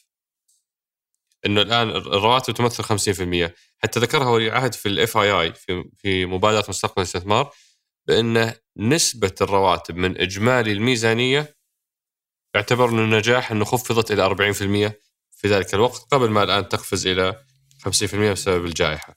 طبعا هو يعني ال- ال- الميزانية تساعد في في معدلات ال- التوظيف لا لا شك لكن من من الخطر إنه يكون الإنفاق الثابت والملزم بنسب آه، مرت- مرتفعة. ه- هذا في في خطر. لذلك لابد يكون في عندنا عمليه التصحيح يعني مثلا الصناديق على سبيل المثال. آه، كيف نخفض؟ آه، فاتوره الأجور على سبيل المثال. هل هذا معناها نحن لازم الدولة تأخذ قرار أنها. آه، آه، تشرح الموظفين؟ لا نهائيا اطلاقا. هو الفكرة انه يكون في عندك خطة لتخفيف الفاتورة بوسائل متعددة. واحدة منها الاستقلالية. الجهة الآن عندها مثلا 5000 موظف. إذا استقلت وصار عندها دخل وإنفاق ذاتي من مواردها الذاتية آه، خففنا من فاتورة ال- ال- الأجور، الصناديق على سبيل المثال الآن هي كلها مستقلة. مستقلة. آخر- تخصيص آخر- آخر جزء من صندوق. هذا الأمر. إي نعم. آخر صندوق كان صندوق العقاري. آه، فأصبح مستقل بالكامل بجميع آه، موظفينه والاكتفاء من الموارد الذاتية. لكن هو لا شك إنه فاتورة الأجور أمر مقلق لأنها التزام ثابت. في هنا سؤال على موضوع آه، أس... آه، أيوه هذا السؤال ممكن نختم فيه. آه، صف لنا أسلوب قيادة الوزير محمد الجدعان. هذا ممكن يكون يعني آه، سؤال ختامي لهال... لهاللقاء.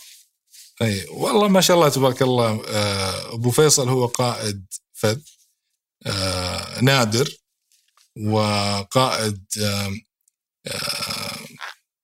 منتج محفز بشكل كبير.